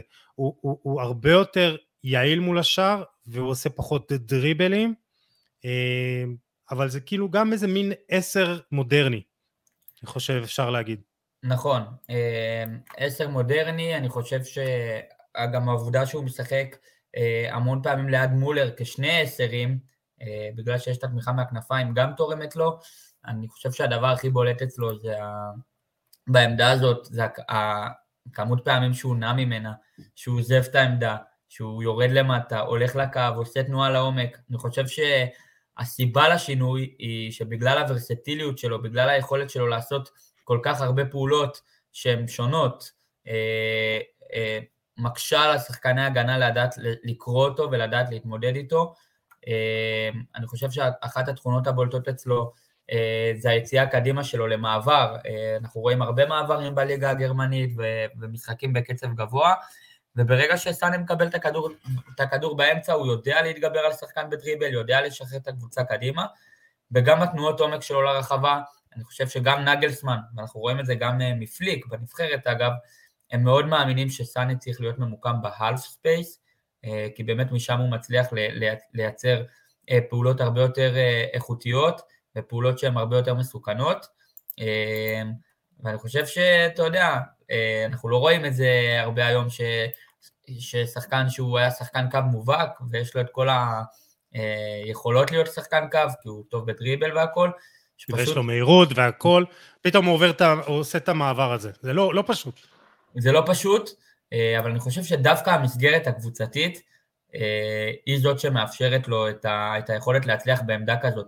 שיש לידך שחקן כמו תומאס מולר וגורצקה וקימיך, ואנחנו ניגע בזה אחר כך, שאתה רואה כמה ביירן מאומנת, כמה כל שחקן יודע איפה הוא צריך להיות, אז יש לו את החופש פעולה שלו. אה, ולא סתם, השינוי הזה גם מביא מספרים, ואני חייב להגיד שאני אישית כן. יותר נהנה מלירוי סאנה בתפקיד הזה. אז בואו, בוא, קודם כל, אה, הוא נותן לנו סיבות ליהנות ממנו, אבל בואו נדבר באמת על העשר המודרני, באמת, מה, אילו תכונות אתה, הזכרת את השהייה בהלף ספייסס, באמת זה השטח שבין הקו לבין מרכז המגרש, ובאמת, מה אתה חושב שצריך האיכויות של שחקן בעמדה הזאת, ואם יש לנו פה איזה אבולוציה של התפקיד. אז יש לנו אבולוציה של התפקיד, אבל עדיין אנחנו גם רואים עשר, עשר אה, אה, כמו, ש, כמו, ש, כמו שהם היו בעבר, זה, זה מאוד תלוי בסגנון של השחקן, אה, אבל אני חושב שדווקא אה, לעשר מודרני, אני חושב שאחד האלמנטים המאוד חשובים זה החדירה לרחבה אה, והתנועות עומק, לבוא ו, ו, ולעשות כניסה לרחבה שהיא בעצם די מקו שני כזאת ו, ודי מה half space, אז זה משהו שהגנות יריבות פחות מוכנות אליו. אני חושב שדווקא עם סאנה אנחנו רואים אותו הרבה פעמים אה, עומד ב, באזורים האלה על מנת אה, שהקבוצה היריבה תצטופף. בגלל זאת הסיבה גם שאנחנו רואים את המגנים של ביירן, שאתה יודע, שתי מגנים על הקו, סאנה, מולר אה, אה, ב half space, לבנדובסקי באמצע, אה, וברגע שהכדור מגיע לקו הוא שחקן שיכול גם לעשות את התנועה לקו, וזה שחקן שנוח לו לקבל את הכדורים בקו. אה, אני חושב שדווקא מסאנה גם אנחנו רואים שהוא משחק בנגיעה או בשתיים, והתכונה הכי חשובה זה היציאה קדימה למעבר שלו. כן. אה, אז בואו בוא נדבר באמת על המערך, הזכרת את זה קודם לכן, ויוליאן נגלסמן בוחר לעלות, הוא עלה את זה גם במשחק הראשון, עם 3-4-2-1, אה, עם מערך סופר התקפי, וגם בחירת השחקנים בתוך המערך הזה הייתה אה, מעניינת.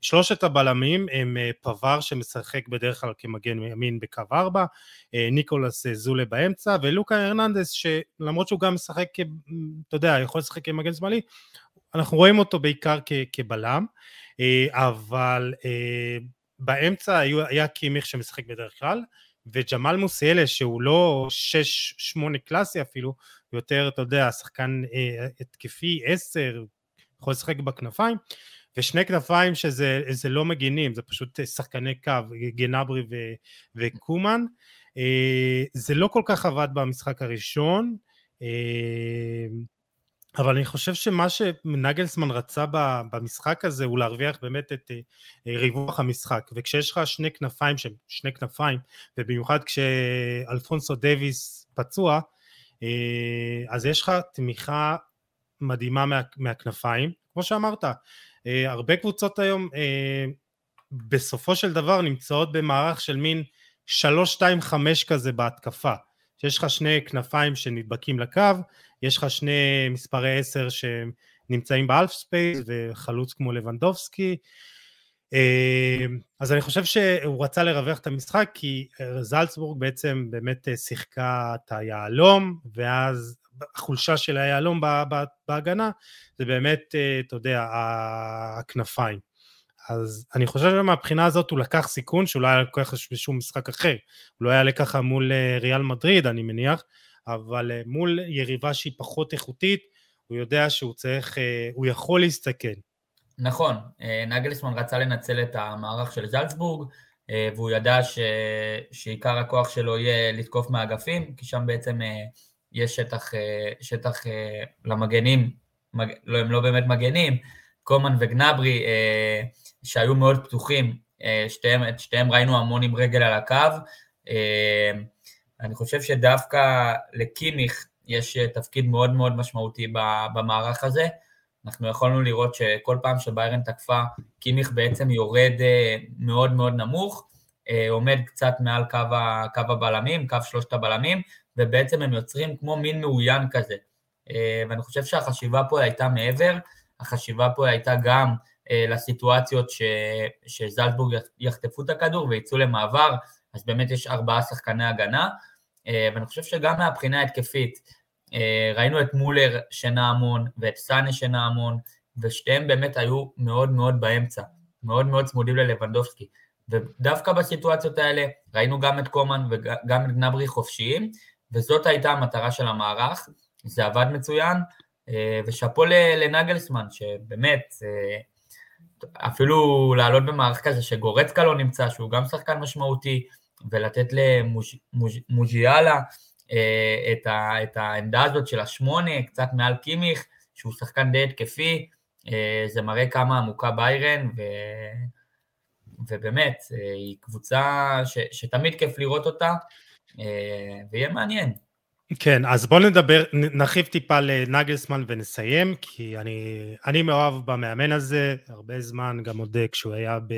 כשהוא הגיע ללייפסיג אחרי אופנהיים, מאוד מעניין אותי, הוא מסקרן מאוד, עצם זה שהוא בגיל 29 היה מאמן בבונדסליגה, זה מטורף, כאילו. אה, ואני חושב שיוליאן נגלסמן אולי הוא המאמן ההיברידי הראשון בעולם. וראיתי ממש אה, אתמול ראיון שהוא העניק כשהוא היה מאמן לייפציג והוא אמר שהוא רוצה ללמד את השחקנים שלו את כל השלבים במשחק והוא רוצה, הזכרת את זה שבאמת ביירן היא מכונה משומנת והוא פשוט רוצה ללמד את השחקנים שלו מה לעשות בכל שלב במשחק. ומה שהוא אומר שאתה יודע משחק הכדורגל זה לא משחק של אתה יודע רק מעברים או רק החזקה בכדור ובכל שלב במשחק אתה צריך לעשות דברים שונים. אתה צריך שנייה לעשות את ה counter pressing, את הלחץ אחרי איבוד כדור, ואתה צריך לדעת להחזיק את הכדור, ואתה צריך לדעת לשחק מעברים.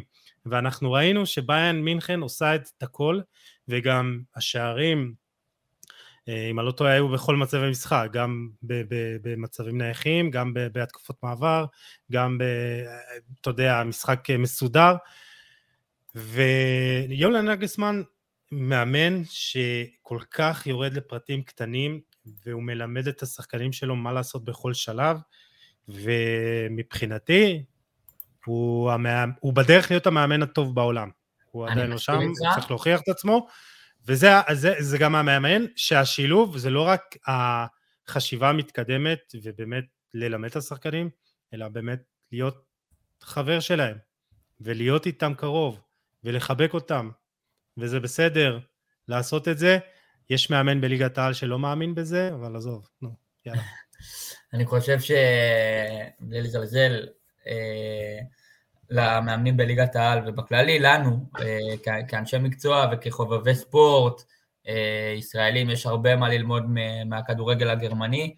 אה, אני חושב שהיום המאמנים הגרמנים הם הטובים בעולם, אני יכול לתת לך לא אחד, יכול לתת כמה, ולראות את הכדורגל שלהם, את הכדורגל המודרני, אם זה לחץ, ואני חושב שמה שבולט אצל כל המאמנים האלה, זה התיאום שיש לקבוצה ברגע שהיא מבצעת לחץ, ברגע שהיא יוצאת למעבר התקפי, כל שחקן יודע איפה הוא צריך להיות, אה, וזה גם מתקשר למה שדיברת, שהם מאוד מאוד רוצים להכין אותם לכל, לכל סיטואציה במשחק, ולדעת איך להגיב, וזו עבודה מאוד מאוד לא קלה, אה, אז אני חושב שנגלסמן, יש לו עתיד ורוד לפניו, ואפילו, אתה יודע, מרגיש לי שגם פליק, לא מספיק נהנינו ממנו, כאילו, הוא די עזב מהר, הוא די עשה את המעבר מהר לנבחרת גרמניה, אה, אבל אה, באמת מדהים לראות את ביירן מינכן, אני חושב שגם מה שבולט אצלם זה השילוב גם של השחקנים הצעירים לפעמים, אנחנו לא רואים הרבה מאוד שחקנים צעירים השנה, אבל ראינו את רוקה ששיחק,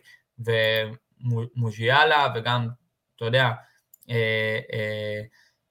סיינה שהוא עוד לי מרגיש שהוא צעיר, אה, אבל אני חושב ש, שנגלסמן אה, עושה עבודה מעולה, והלחץ של ביירן אה, הוא מהטובים היום שאני, שאני לפחות רואה. כיף גדול לראות, כיף גדול לראות אותה. כן, כן, חד משמעית.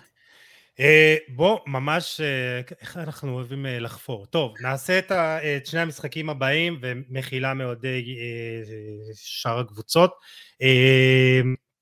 ליברפול אינטר, ואם דיברנו על מאמנים גרמניים, אז טוב, במשחק הראשון אני הימרתי 2-0 ליברפול, צדקתי, אמרנו, כן, אתה אמרת 2-1, גם קרוב, ואמרנו שליברפול עולה. אתה יודע, משחק אה, אה, ראשון באמת גדול של אה, ליברפול בסנסירו, וראינו את פערי האיכות. מה שלי באמת ככה חשבתי, שליברפול גם תנצח את המשחק השני, השני אבל גומלין, אבל אתה יודע, בסוף אה, גם אה, יורגן קלופ התייחס לזה, שאתה יודע, למרות שאינטר קטע לליברפול רצף של 15 משחקים ללא הפסד, עם 12 ניצחונות ושלושה תוצאות תיקו, אה, קלופ התראיין לאחר המשחק ואמר, אם יש משחק כאילו ש, שאפשר להפסיד, שזה בסדר להפסיד, זה משחק כזה, שהוא אמר, הוא עדיין שונא את זה, ואתה יודע, אומר, בסוף היינו צריכים לעבור, ועברנו. ותודה ליובל נוי בהזדמנות זאת, מנהל הטלגרם של הדף, שגם אחראי על הפוסט הזה ועל הציטוט הזה, ועושה אחלה עבודה, וגם אוהד ליברפול, אז אני מניח שהוא שמח מאוד.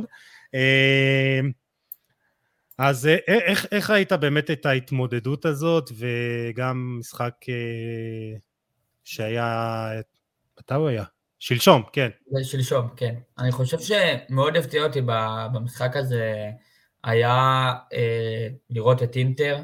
אני חושב שנכון שאומנם פערי הרמות בין הקבוצות אה, גדולים, אבל ראינו קבוצה מאומנת, אה, קבוצה שבאה ללחוץ, אה, אז בוא, בוא, בוא, בוא תתמקד במילה מאומנת, כי אנחנו מאוד אוהבים להגיד מאומנת, אבל אתה יודע במה זה מתבטא, כי סימון זוגי עושה אחלה עבודה, גם, אתה יודע, אינטר לא כל כך יציבה בליגה, אבל אנחנו רואים אותה נורא התקפית, משחקת כדורגל לא רע בכלל, והיא די הפתיעה את כולנו.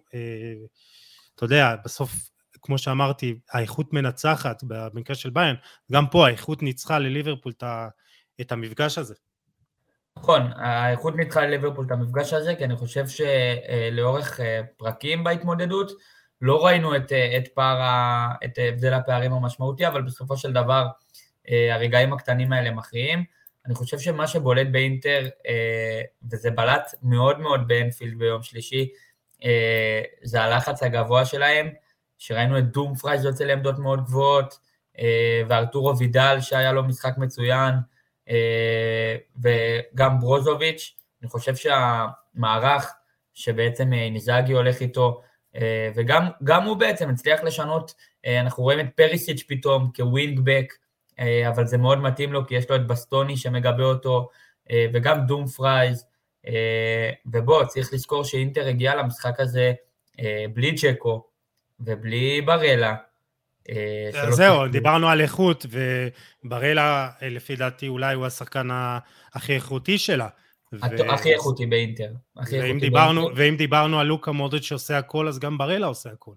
נכון. גם הלחץ וגם הדינמיות וגם היציאה קדימה ובישולים, אתה יודע. נכון, נכון, ממש. אני ממש מסכים איתך, אני חושב שבראלה הוא אחד השחקנים אה, הכי טובים בליגה האיטלקית, ואני חושב שהוא ברמה, הוא רמה מעל הליגה האיטלקית בעיניי, אני חושב שהוא שווה היום מקום בכל אחת מהקבוצות, אה, מהקבוצות באירופה, אה, אבל אני רוצה באמת להמשיך עם, אה, עם הדברים שאמרתי על אינטר, לבוא לאנפילד, נכון שאתה בפיגור 2-0, אבל ללחוץ את ליברפול בצורה כזאת, להפעיל עליה לחץ, גם השער הגיע מ, מלחץ גבוה, אינטר הצליחה לייצר יתרון מספרי, אה, בצד השמאלי של המגרש, וראינו את זה לא פעם אחת אה, באנפילד, פעם אחת זה גם הוביל לשער, אה, אז אני חושב שאינטר צריכה לצאת הכי, הכי גאה שיש, והכי לראות שהם, שהם עושים שם עבודה טובה, ויוסי, אם לא האדום של אלקסיס, אנחנו לא יודעים איך זה היה נגמר. לא יודע, כאילו, אני, אני מניח שאין אוהד אינטר אחד שלא רצה לא יודע מה, להיכנס לתוך המגרש דרך הטלוויזיה, דרך הבסך טלפון, ולתת לו איזה, אתה יודע, איזה, איזה אחת. כאילו, מה אתה עושה? זה, זה כאילו, זה ברגע אחד, אתה גם, אתה מבשל שער, ואז אתה פשוט הורס את המשחק. ואז לך תדע באמת איך זה היה מתפתח. כן, כן, ממש. זה, אני חושב שגם ה, הדקות שהכל קרה, מיד לאחר השער, זה, זה היה מאוד מאוד כזה... מוזר ולא אופייני לאלקסיס שהוא היה במשחק מצוין, אה, אבל אין ספק שזה, שזה הכריע באותו רגע את, את העולה, אה, כי גם אם היינו הולכים להערכה ואינטר הייתה מצליחה לכבוש את השני, אני לא חושב שהיא הייתה מחזיקה בעשר שחקנים בהערכה, אבל בסופו של דבר הקבוצה הטובה יותר עלתה, אה, כן, כי גם היא הייתה יחסית אה, גם לא, אה, לא כל כך רחוקה מלהשוות ואפילו לנצח, וסאלח שם היה עם, עם קורות, ו...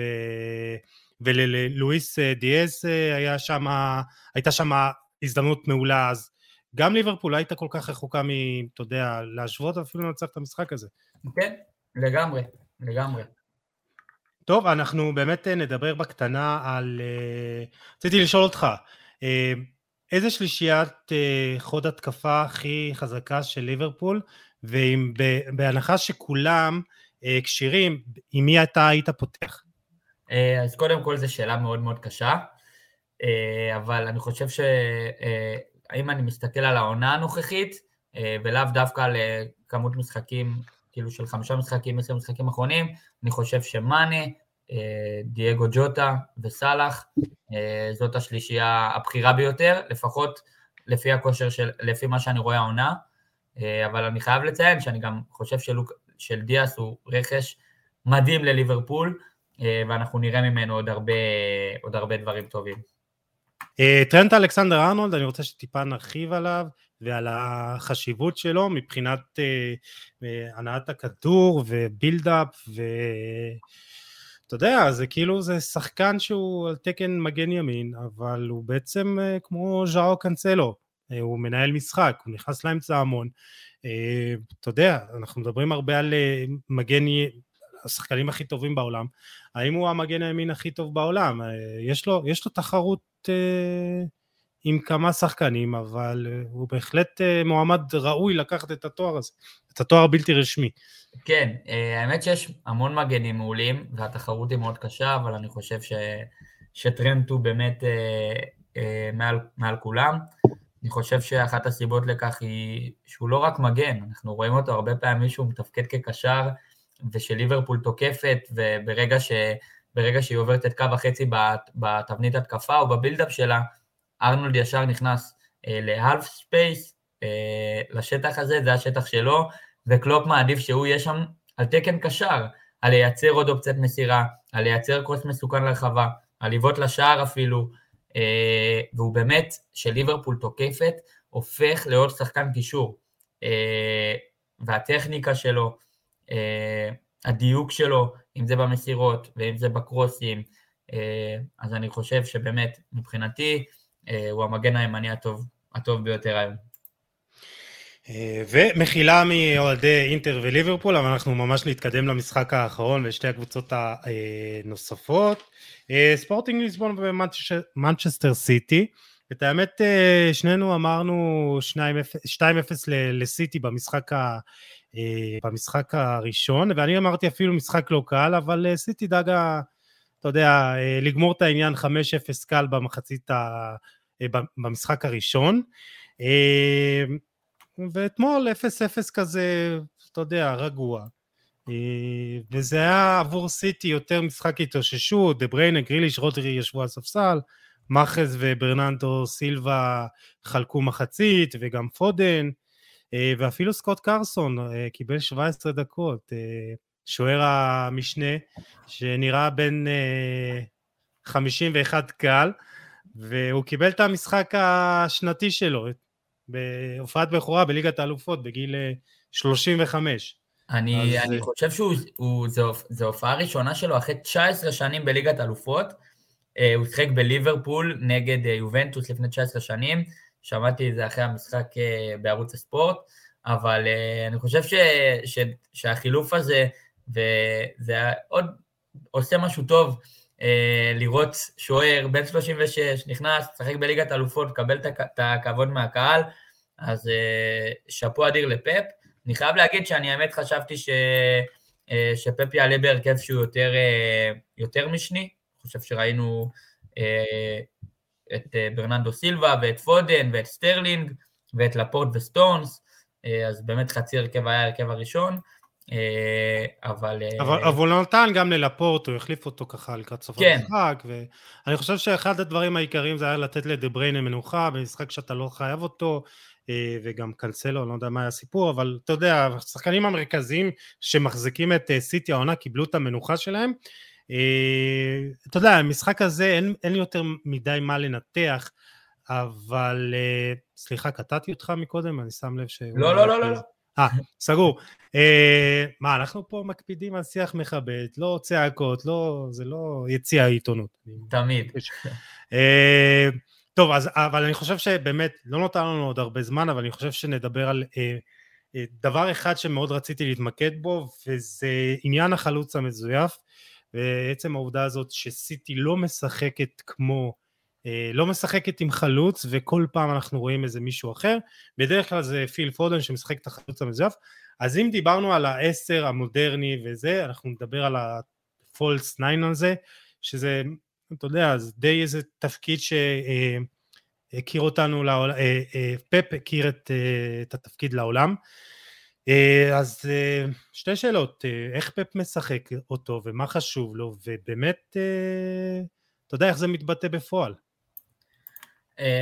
אני חושב שזה מתבטא בכך שברגע שיש לנו חלוץ מזויף שמשחק עם הגב לשער, אז הוא הרבה פעמים יורד לאזורים נמוכים יותר במגרש, אם זה להשתתף בהנעת כדור, אם זה התנועה שלו, והפעולה הזאת בעצם גוררת את קו ההגנה קדימה, מושכת איתו תמיד לרוב את אחד הבלמים, ומפנה שטח לשחקנים מהכנף, שיכולים לעשות את הכניסה לעומק, או אפילו שהיא מפנה את דה בריינה, ומפנה לו יותר שטח בין הקווים, אז אני חושב שזאת אחת הסיבות שפפ מאוד מאמין בשיטה הזאת, כי יש לו את השחקני קישור שיודעים לעשות את הכניסות, ויודעים לנצל את השטח שבין הקווים, אנחנו רואים את זה גם מדה בריינה, וגם מברננדו סילבה. אני חושב שפפ, אחת הסיבות שהוא מאמין בזה, היא גם שיש לו את השחקנים שיביאו לו את המספרים. פפ מבחינתו אומר, אני לא בהכרח חייב לקבל את, את כל השערים שלי מהחלוץ. יש לי את דה בריינה, יש לי את ברננדו, יש לי את מאחרז, יש לי את סטרלינג, המטרה היא אה, להביא את הקבוצה למצב טוב יותר בתבנית התקפה, והחלוץ המזויף, הוא מפנה את השטחים. אז אה, טוב, בוא נדבר על מי שאמור להיכנס למשבצת הזאת, כי בקיץ אה, גם באותו ריאיון אה, של פפ לאולה, בפודקאסט הזה, שהוא אמר שם דברים מדהימים, גם על מסי, ובאמת ממליץ לכולם להיחשף. אולי אני גם על איזה קישור, כי הפודקאסט בספרדית, והלוואי עלינו ללמוד ספרדית ולדעת ספרדית. אבל זה אולי בעתיד עם הצ'קליסט שיש אה, הרבה חלומות לעשות דברים. אה, טוב, חוליו אלוורס זה החלוץ של בוקה ג'וניורס שסיטי רכשה ב-17 מיליון אירו ופפ מתראיין לעולה ומספר שחוליו אלוורס אה, יצטרף בקיץ לקבוצה ויתאמן ויראה באמת איך משתלבים. אז חוליו אלוורס, אה, סיטי באמת אה, הוא מתאים לה כי גם הוא יכול לשחק את החלוץ הנסוג הזה, אבל הוא גם מריח שערים וזה מה שפפ אה, באמת מדבר עליו, שהיום שערים שווים כסף, והם באמת מאמינים שחוליו אלוורס יכול להשתלב בקבוצה, ומה שבאמת הוא מדבר עליו שאתה יודע, זה לא חלוץ תשע, משחק עם הגב לקיר, וזה שחקן שיודע להתנהל בשטחים, וזה מה שמחפש פפ. והשדרוג הזה, שאתה יודע, שחוליו אלוורס יכול לתת, זה גם השערים, ויש לו סיומת קטלנית, והוא מדבר על זה, סיומת באמת קטלנית שאין לה הרבה שחקנים, אבל הוא גם יכול ויודע להתנהל בשטחים, ויודע לנוע, וחלוץ שהוא די, אה, אתה יודע, אה, דינמי וזז ויוצא לצדדים וזז אחורה אה, והוא אומר אה, איך שהוא מפרש את אותם שטחים זה תכונה שמאוד קשה אה, למצוא אז באמת צריך לדעת שחלוץ מזויף צריך לדעת גם לדעת איפה הוא יכול להתנ... לזוז בתוך המרחב ובתוך השטחים הללו. בדיוק, לראות עד איפה הבלם יצא איתו, ולדעת מתי לעשות את, הכניסה לרחבה אה, והתזמון של הכניסה לרחבה, אה, ואני חושב ש, אה, שהוא יוכל לספק לסיטי גם את הדברים האלה של, של כל הפינוי שטחים והתנועה והכל, אבל אני חושב שדווקא אנחנו, הוא גם חלוץ רחבה, הוא חלוץ ש, שכובש, הוא חלוץ שעושה שערים בנגיעה ובשתי נגיעות, ואני חושב שזה רכש טוב של מנצ'סטר סיטי. אמ, אנחנו יכולים אה, להגיד גם, אתה יודע, בתחילת העונה היה דיבור מאוד גדול שארי קיין יגיע, אה, וארי קיין הוא גם שחקן שאני רואה אותו כאחד שמתאים מאוד מאוד לשיטה של פפ, מאוד מאוד, אה, אז קצת התבאסתי שהמעבר לא יצא לפועל, אבל אלוורז הוא חלוץ צעיר, ואני מאמין שהוא, שהוא יפרח בסיטי, וכמו שדיברנו גם בריאל מדריד, שאתה, שיש לידך קשרים כמו ברננדו סילבה וקווין דה בריינה, שמכניסים לך את הכדורים ומייצרים לך את המצבים. אתה יכול לפרוח. כן, יש לך את כל התשתית להצליח. אתה יכול לפרוח, אתה יכול להגיע למקומות מאוד מאוד גבוהים. אז, אז אה, תשמע, בוא, בוא, התחלנו עם קרסטייץ', אז בוא נסיים עם אה, יובנוביץ', ואם דיברת על התמצאות במרחב ועל איך לנוע ב, אה, בשטחים האלה ואיך לזהות את המרווחים בין הבלמים ולאן להגיע וגולים בנגיעה, ואני חושב שגם אתה העלית את זה ויש לך סרטון מדהים שראיתי על איך באמת יובנוביץ' מגיע אה, למצבים האלה, כי אתה יודע, תמיד אנחנו מדברים גם בהקשר של קריסטיאנו רונלדו, על זה שהוא דוחק, אבל איך הוא מגיע למצבים האלה, ואיך הוא יודע להתמקם בדיוק בנקודה הזאת, ולנוע, ולהתמקם בדיוק ב- ב- בין שני הבלמים, אז אה, ככה, הרחבה שלך בנושא, ונסיים. אז אה, קודם כל לגבי יובנוביץ', אה, אחת הסיבות אני חושב, שמכבי מצליחה לייצר לו את, ה, את השטחים האלה היא העובדה שהם משחקים עם שתי חלוצים. אה, וברגע שאתה יודע, קו הגנה, אה, שתי, בלם, שתי מגן ובלם סוגרים את פריצה, אה, אז לסגור גם את יובנוביץ' זה מאוד קשה. אז גם אצלו אני חושב שמאוד בולט זה הסריקות, הזיהוי שטח פנוי, לדעת לזהות מתי פריצה יורד ו- ומושך את הבלם ולעשות את ה acceleration, את החיתוך, את התנועה ממש ברגע הזה. אה, ואני חושב שהתכונה הכי גדולה שלו היא הסיומת שלו בנגיעה. הוא לא צריך יותר מנגיעה ברחבה, ו- וזה מה ש- שבעצם הופך אותו לחלוץ כל כך קטלני. כי כל העניין הזה זה עניין של שנייה, עד שאתה, שאתה תוקף את השטח, הבעלה מספיק לחזור, לא מספיק לחזור, זה עניין של שנייה, וברגע שיש לך אה, חלוץ כל כך קטלני, אה, ש, שיודע לסיים גם בנגיעה, אז התבנית הזאת היא בעצם הרבה יותר רלוונטית. אה, אני חושב שיש לנו עוד מה לראות ממנו, ויהיה מאוד מעניין לראות איך הוא ימשיך, אבל אין ספק ש, שיש פה חלוץ שהוא נראה מבטיח, ויהיה מעניין לראות איך, אה, איך הוא ימשיך את הכושר שלו. טוב, אז אתה יודע, מחוליו אלוורס ליובנוביץ' ומפוצ'טינו לקרסטייץ', חלשנו על, uh, על יבשת שלמה, בוא נגיד ככה. לגמרי. היה לנו שבוע מדהים של כדורגל, ראשון שני היה לנו קצת כדורגל ישראלי, שלישי רביעי צ'מפיונס, היום יש לנו כמה משחקים מעניינים ב- בליגה האירופית ובקונפרנס, אז אה, אני שמח שחזרנו לאינטנסיביות הזאת של, אה, של שבוע עמוס בכדורגל, יום אחרי יום אחרי יום אחרי יום, ובסוף אנחנו מכורים למשחק הזה, יוסי. אה, בדיוק, ואתה יודע, אנחנו, אני לא יכול לפנות זמן חוץ מ, אתה יודע, קצת נטפליקס לעוד משהו. אתה יודע, אם פעם ראיתי קצת כדורסל או טיפה ריאליטי, כאילו, די, אני רוצה לראות כדורגל. וכשאני רוצה לכבות את המוח, אז אני רואה נטפליקס. וגם בנטפליקס זה, זה תחת קטגוריות כאלה של אה, אה, סרטים או סדרות של, אה, של כדורגל. אני יכול להמליץ באופן אישי, יש אה, סרט יהודי על השחייה של איטליה. אה, התחלתי לראות, אבל זה קצת כזה, אמרתי, עצרתי, לא יודע. כן, אז לא... יש, יש שם איזה, אני אספר בקצרה, יש שם קטע שלפני המשחק מול, אה, מול בלגיה ברבע גמר היורו, אה, מנצ'יני מדבר עם אינסיניה, והוא אומר לו שברגע שאתה תגיע סמוך לרחבה, השחקנים הבלגים לא יצאו אליך, אז תבעט לשער. ומיד אחרי רואים את הגול המדהים של אינסיניה, שקו ההגנה לא יוצא אליו, אה, ונשאר לעמוד והוא בועט, אז אה, ממליץ בחום. טוב, אז אם כבר המלצות צפייה לנטפליקס, יש את הסדרה על בג'ו, נראה לי גם שם, סדרה פשוט מטורפת. אה, המלצה של אורן קדוש שבאמת אה, ישמח אה, להצטרף אליה. תשמע, סדרה מדהימה, וסדרה על טווס, וקיצור, יש לנו גם בנטפליקס כדורגל, הרגו אותנו. נכון. אתה רוצה לברוח ואתה רוצה קצת להתנתק, פתאום דופקים לך אה, סדרה על, נו, על אה, זכייה של איטליה ביורו. סתם, אבל... אה, עד שזה יגיע פה לישראל והסדרה על ביתר. אה, קיצור, יהיה מעניין גם לראות איך זה פה בישראל. אה, אבל עזוב, אנחנו מתפזרים. גל, תודה רבה, היה כיף, באמת אה, כיף לדבר איתך על כדורגל, וגם בצורה הזאת, מקצועית, טקטית, ירידה לפרטים. ואני שמח גם שעשינו את הפרק הזה ודיברנו קצת על, הרחבנו את השיח. אז תודה. אז קודם כל תודה לך יוסי, אני תמיד נהנה לבוא לפה ולדבר איתך.